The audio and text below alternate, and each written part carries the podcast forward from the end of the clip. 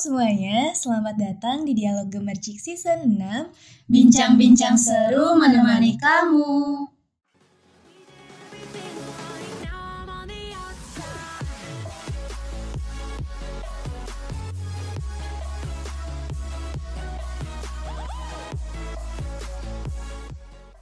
Hai hai hai, balik lagi nih di Dialog Gemercik Masih bareng aku, Elila. Dan tentunya saya tidak sendiri nih di sini Karena saya ditemani oleh uh, beberapa teteh-teteh cantik ini nih. Mungkin boleh perkenalan dulu nih dari teteh yang di samping kanan saya Hai, nama aku Elsa Purnamasari dari Pendidikan Bahasa Indonesia. Oke, halo Teh Elsa. Hai, Teh Teh Lila. Oke, selanjutnya nih dari Teteh yang di samping kiri saya, boleh mungkin Teh langsung perkenalan saja. Halo, nama aku Rima Rahayu dari jurusan Ekonomi Syariah. Halo Teh Rima. Halo. Oke, nah uh, gimana nih Teteh-teteh kabarnya sekarang? Alhamdulillah ya, selama menjalani ibadah puasa kali ini, alhamdulillah sehat. Alhamdulillah. Alhamdulillah lancar. Kalau Teh Elsa gimana nih kabarnya? Uh, Alhamdulillah baik. Alhamdulillah sehat sih, uh, puasanya enjoy gitu Teh. Oke, masih kuat ya? Masih kuat semangat. harus. Lagi buka. Oke. Kalau dari Teh Elilah sendiri gimana? Alhamdulillah kabar baik, kabar sehat juga. Eh, Semoga puasanya berkah ya Teh. Ya. Amin. Oke, mungkin eh, langsung ya Teh. Baru-baru ini tuh viral ya sebuah cuitan di Twitter mengenai seorang dokter yang memberikan tips puasa kalau sahur tuh eh, cukup minum satu gelas oralit dan satu gelas air putih agar kita tuh tetap terhidrasi dan mencegah haus saat puasa. Nah, mungkin kalau eh, tanggapan dari teteh-teteh sendiri terkait statement tersebut gimana gitu teh? Eh, Elila pengen tahu gitu. Mungkin Nah, dari teh Elsa Uh, kalau menurut saya sih itu hal yang kurang baik ya. Karena apa? Kita uh, sahur itu tidak hanya membutuhkan Cairan ya. cairan ya. Kita juga harus ada protein uh, seperti sayuran ataupun buah-buahan ya teh. Karena jika hanya sahur dengan segelas oralit itu nggak cukup sih menurut Iya, aku. kurang ya. kurang Masih ada zat gizi lain yang perlu dikonsumsi kayak Iya. karbohidrat, protein, yang lemak. dibutuhkan dalam tubuh Iya, betul. Setuju. Kalau dari Teh Rima gimana nih? Nah, kalau dari aku juga ya sepakat ya apa yang tadi dibilang sama Teh Elsa gitu. Kalau hanya minum oralit itu rasanya kurang ya karena kurang afdol aja gitu. Kita juga kan perlu protein, karbohidrat dan Perlu asupan-asupan asupan-asupan lainnya. makanan lainnya. Oke, aku juga setuju sih. Kalau apa ya eh, minum oralit sama air putih aja tuh belum bisa memenuhi ke- kebutuhan asupan harian kita gitu ya. Terus kalau misalnya minum oralit tuh kalau dikonsumsi terus-menerus juga akan ada efek samping yang ditimbulkan gitu ya. Apalagi jika dikonsumsinya tuh sama seseorang yang eh, kurang sesuai kriteria atau orang tersebut tuh bukan targetnya. Harus sesuai dengan Iya, soalnya oralit sendiri ya. itu kan apa ya diperuntukkan buat orang-orang yang mengalami dehidrasi berat. ya Contohnya eh, seperti orang diare yang kayak gitu kan. Nah, sedangkan nah iya bener. Sedangkan orang yang puasa tuh tidak mengalami dehidrasi berat gitu. Iya. Oke, mungkin kurang eh, cocok ya untuk orang yang sehat gitu. Iya seperti itu ya. betul sekali. Jadi mungkin daripada kita bingung nih ya, eh, kita bahas satu persatu aja ya teh. Oke, kita bahas satu persatu dulu gitu ya. Mulai dari eh, apa sih oralit itu sendiri gitu. Mungkin sobat gemercik ada yang belum tahu nih tentang oralit. Iya, mungkin boleh dari Teh Elsa sendiri gimana? Eh, oralit itu merupakan eh, sebuah cairan mungkin ya teh eh, larutan cairan dari garam dan juga gula gitu ya Oke. mungkin terus kalau dari Teh Rima bagaimana? Ya betul ya oralit itu merupakan campuran dari gula dan garam gitu. Oke. yang di mana biasanya itu untuk menyembuhkan eh, diare gitu untuk eh, menambah cairannya. men- menggantikan cairan Oke, setuju sih. Eh, oralit itu sendiri kepanjangan dari ini kan apa? Oral rehydration therapy atau ada juga yang menyebutkan oral rehydration salts. Terus ada juga yang menyebutkan oral rehydration solution gitu. Nah, di mana obat ini tuh digunakan untuk menggantikan cairan dan elektrolit tubuh yang hilang akibat dehidrasi gitu. Eh, dehidrasi ini dikarenakan uh, suatu penyakit seperti diare atau tadi disebutkan ya muntah berkepanjangan, demam atau kondisi penyebab lainnya yang menyebabkan kita dehidrasi berat gitu. Iya. Terus juga ya tadi kalau oralit itu sendiri tuh uh, berasal dari ada dua komponen gitu ya. Uh, Ya, jadi ada dua zat penting gitu di dalam oralit ini yaitu yang pertama tadi garam atau elektrolit uh, dan yang kedua tuh gula dalam bentuknya karbohidrat gitu. Oke, mungkin uh, sebenarnya meminum oralit ini baik nggak sih teh buat kesehatan gitu saat puasa? kalau menurut saya sendiri uh, meminum oralit pada saat puasa itu baik cuman uh, sesuai tadi ya kita tidak bisa hanya mengandalkan oralit untuk sahur teh okay. jadi uh, jika mengonsumsinya uh, biar sebetulnya bisa bisa saja sih. Cuman tidak bisa diandalkan sepenuhnya. Seperti itu oke kalau dari Teh Rima gimana nih? Iya ya jadi betul sekali. Oralit itu lebih baiknya itu digunakan sesuai kebutuhan ya. Tidak tidak berlebihan juga sehingga akan sesuai dengan fungsinya. Gitu mungkin ya teh. Oke mungkin dari aku ada sedikit perbedaan pandangan gitu ya. Ya mungkin dari uh, aku sendiri meminum oral itu bukan suatu opsi yang uh, harus kita konsumsi gitu. Waktu puasa untuk mencegah uh, kekurangan cairan gitu ya. Karena oralit itu sendiri juga kan sebenarnya tuh ditujukan buat orang-orang yang mengalami dehidrasi berat ya tadi iya. disebutkan. Uh, diare uh, muntah berkepanjangan dan lain sebagainya. Yang artinya tuh apa ya dia tuh kekurangan bukan hanya cairan tapi juga ion-ion tubuh yang penting gitu yang sering terjadi pada orang-orang uh, yang tadi saya sebutkan orang-orang diare. Nah sedangkan orang yang berpuasa itu tuh tidak mengalami dehidrasi berat gitu. Oh, iya. iya. Ya uh, jadi mungkin uh, dilansir juga nih dari CNBC dari Profesor Ari dan Zubairi yang menegaskan kalau oralit itu tuh kan mengandung garam dan gula ya. Hmm. Kalau dikonsumsi secara berlebihan serta dalam uh, jangka waktu yang panjang itu bisa menimbulkan efek samping seperti resiko hipernatremia dan hiperkolemia ya hipernatremia sendiri itu kondisi kadar natrium yang tinggi dalam darah gitu. Sedangkan uh, hiperkalemia itu sendiri kondisi kalium yang tinggi dalam darah. Nah mungkin itu uh, bahayanya. Terus juga kalau misalnya si oralit ini tuh kita konsumsi sama orang yang puasa ya yang sehat gitu notabene uh, nanti gimana gitu sama orang-orang yang emang membutuhkan bisa aja kehabisan iya gitu ya. bisa-bisa nanti susah ya dapetin oralnya tuh. Apalagi kalau misalnya udah kena kayak panic buying gitu ya. Oh yeah. orality bisa cegah uh, haus gitu saat puasa dan lain sebagainya. Padahal ini tuh apa ya takutnya tuh kayak kita tuh nyetok gitu kan nyetok orality.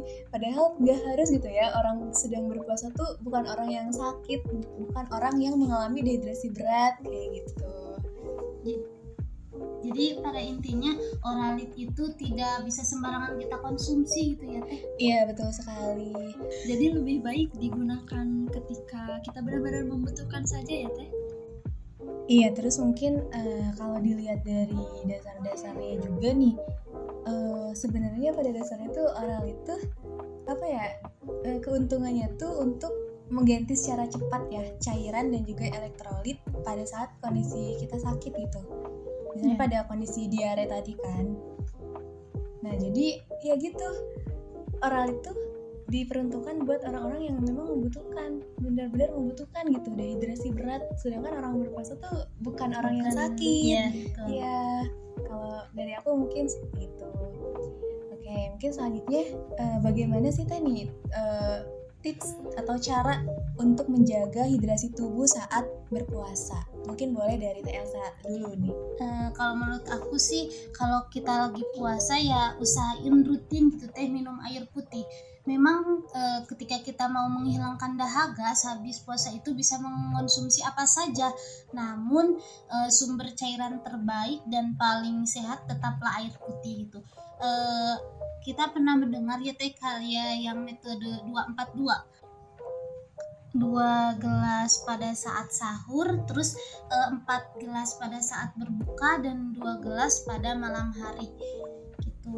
Jadi menurut saya usahakan kita itu eh, rutin gitu minum air putih. Oke, selanjutnya dari Teh Rima nih, gimana nih? Nah ya untuk menjaga uh, hidrasi kita ketika puasa gitu. Nah sebaiknya itu kan kita itu uh, kurangilah minuman-minuman yang berkafein ya seperti soda, Oke, teh, iya. kopi. Nah karena itu kan akan meningkatkan produksi urin, nah sehingga akan menaikkan frekuensi buang air kecil. Nah, seperti Iya, itu setuju, ya. setuju. Terus mungkin selanjutnya eh, mengurangi makanan-makanan yang asin gitu ya. Iya, Karena betul. ngerasa gak sih kalau kita udah makan makanan yang asin tuh kayak Rasa haus gitu. Iya, betul. Seperti itu. Eh, soalnya nanti cepat merasa haus, terus eh, kita jadinya kekurangan cairan gitu ya. Ya soalnya garam juga itu ikut apa ya berkontribusi berpengaruh terhadap pengaturan cairan tubuh. Nah, mengonsumsi makanan yang asin itu bisa mengacaukan pengaturan tersebut gitu dan akhirnya bisa membuat kita cepat haus seperti itu. Setuju banget. Nah, lalu ya selain minum air putih, kita juga dianjurkan untuk mengkonsumsi makanan yang kaya akan mineral ya. Oke, Nah, ya. seperti Buah-buahan, sayur ya. iya, dan Tinggi serat juga ya, gitu. contohnya itu kan yang kaya akan mineral itu ada buah kurma, terus semangka ya seperti Iya, itu dan buah-buahan lainnya juga. Nah, itu kan akan membantu tubuh tetap terhidrasi. Soalnya buah dan sayur juga mengandung banyak cairan gitu ya. Eh, selain kita juga eh, mengkonsumsi air dan juga eh, makanan yang cukup, kita juga harus eh, senantiasa tidur yang cukup ya teh memperbanyak istirahat Oke. karena merupakan eh, istirahat dan tidur yang cukup juga sangat penting untuk menjaga kesehatan tubuh kita. Eh, pastikan untuk tidur yang cukup, terus istirahat yang cukup agar eh, tubuh kita tetap sehat dan terhidrasi dengan baik. Oke, setuju. Jadi jangan begadang ya Iya gitu. betul. Tapi kalau misalnya tidur seharian selama berpuasa juga nggak boleh. Nggak boleh, boleh. baik. Walaupun tidur saat berpuasa itu merupakan salah satu ibadah, Iya. tapi ya nggak harus panjang hari Nggak- juga gitu Nggak ya. berlebihan juga. Eh, soalnya bisa membuat kita malah jadi lemes gitu. Iya. Oke. Nah, di samping harus tidur yang cukup ya, kita juga harus diimbangi dengan olahraga ya tentunya. Oke, tapi jangan olahraga Jangan olahraga yang berat ya, ya. ya. Bisa dikurangi dari frekuensi olahraga ketika tidak puasa seperti itu ya. Oke. Misalnya itu bisa dua jam sebelum berbuka gitu. Ya mungkin bisa pilih olahraga-olahraga yang ringan seperti ya yoga atau zumba, senam gitu lah ya. Senam. Oke. Iya mungkin yang tadi tuh sekaligus juga bisa dijadikan tips-tips pola hidup sehat ya selama kita menjalani Ibadah puasa. Terus mungkin jangan skip makan sahur ya karena kita tuh eh, kalau misalnya kita tidak sahur sama dengan kita tuh lambung kita tuh kosong gitu ya selama kurang lebih 12 jam gitu. Dan eh, itu mempengaruhi juga ke stamina tubuh kita dalam menjalankan ibadah puasa dan juga menjalankan aktivitas seperti itu. Nah, dan pada sahur juga kita kan dianjurkan mengakhiri sahur ya di jam-jam terakhir sahur iya betul supaya eh, untuk menahan rasa lapar atau haus atau hausnya itu menjadi lebih lama ya teh. Iya. Oke, jadi menjaga kesehatan eh, saat berpuasa tuh sangat penting ya agar stamina kita tetap baik gitu ya saat menjalankan puasa. Nah, karenanya kesehatan tuh menjadi salah satu aspek yang harus benar-benar dijaga gitu ya agar puasa kita lancar hingga akhir Ramadan nanti. Nah, tadi juga udah disebutkan nih beberapa hal yang perlu diperhatikan eh, saat kita berpuasa ya buat pola hidup sehatnya dan bagaimana sih cara kita buat tetap terhidrasi mulai dari pola makan yang harus teratur, terus dari aktivitas berpuasanya juga lebih diperhatikan. Kemudian eh, tadi berpu- berbuka puasa perbanyak eh, minum air putih ya teh. betul. Iya, terus eh, mengkonsumsi makanan manis juga tetap ya harus diperhatikan jangan berlebihan kalau bisa Iya nanti bisa-bisa tuh kalau makanan manisnya terlalu banyak bisa-bisa kadar glukosa darah dalam tubuh kita tuh eh, tinggi gitu dan itu tidak baik juga gitu. seperti itu. Terus tadi uh, banyak mengkonsumsi juga buah dan sayur ya teh. Karena itu sumber vitamin dan mineral gitu ya buat kita. Terus juga menanggapi uh, sesuatu yang viral itu jangan apa ya jangan, jangan langsung percaya. Iya bener jadi kita juga harus uh, searching searching eh bukan searching apa ya? Kayak menelusuri dulu, menganalisis iya, lagi betul. gitu ya. Apakah hal Kebenarannya. tersebut benar. atau tidak gitu. Jangan sampai uh, ada uh, disinformasi gitulah ya. Betul. oke. Iya kemudian mungkin tadi kalau apa ya meminum oral itu uh, harus saat emang tubuh tuh butuh oralit gitu. Kayak uh, orang yang mengalami diare yang emang mengalami dehidrasi berat gitu. Kalau orang yang berpuasa kan bukan orang yang apa ya ya mungkin haus tapi bukan mengalami dehidrasi yang berat gitu. Oke. Mungkin terakhir nih adakah uh, closing statement tanggapan nih dari Elsa atau Teh Rima? Ya dari aku ya pokoknya semangat terus puasanya. Eh, jangan lupa jaga kesehatan lancar-lancar deh Semangat. Oke, semangat ya Kalau dari aku nih ya, eh, semoga ya apa-apa yang dilakukan pada saat puasa gitu, hal-hal baik yang kita lakukan saat puasa itu bisa berlanjut gitu. Setelah eh, bulan puasa ini berakhir gitu ya, agar terus konsisten gitu dalam melakukan ibadahnya. iya setuju. Iya mungkin dari aku juga sama Eh, kita apa ya harus ya tetap terhidrasi lah saat berpuasa. Iya. jangan jangan lupa juga eh, tadi tips-tips yang sudah kita sebutkan ya. Semoga bermanfaat juga buat sobat gemercik tetap semangat menjalankan ibadah puasanya. Dan ya semoga nggak sampai eh, hanya bulan Ramadan aja ya kita giat melakukan ibadah tapi juga berkelanjutan gitu ya. Sampai eh, nanti ketika sudah lewat bulan Ramadan gitu. Oke, nah seru banget ya pembahasan kita seputar oralit dan juga beberapa uh, tips pola hidup sehat nih yang bisa kita terapkan selama kita berpuasa. Semoga podcast kali ini bisa lebih menambah pengetahuan dan motivasi buat sobat gemercik agar lebih semangat dan lebih produktif lagi dalam menjalankan kegiatan-kegiatan di bulan Ramadan. Oke, sekian bincang-bincang kita pada podcast kali ini. Sampai jumpa di podcast episode selanjutnya. Tetap jaga kesehatan, follow Dialog Gemercik di Spotify untuk dapat mendengarkan podcast seru kami dan jangan lupa juga follow all sosial media kami di @gemercikmedia di Instagram, Twitter, TikTok dan juga YouTube serta jangan lupa untuk kunjungi web gemercikmedia.com untuk terus update berita dan isu-isu terbaru. Akhir kata, terima kasih dan sampai jumpa. sampai jumpa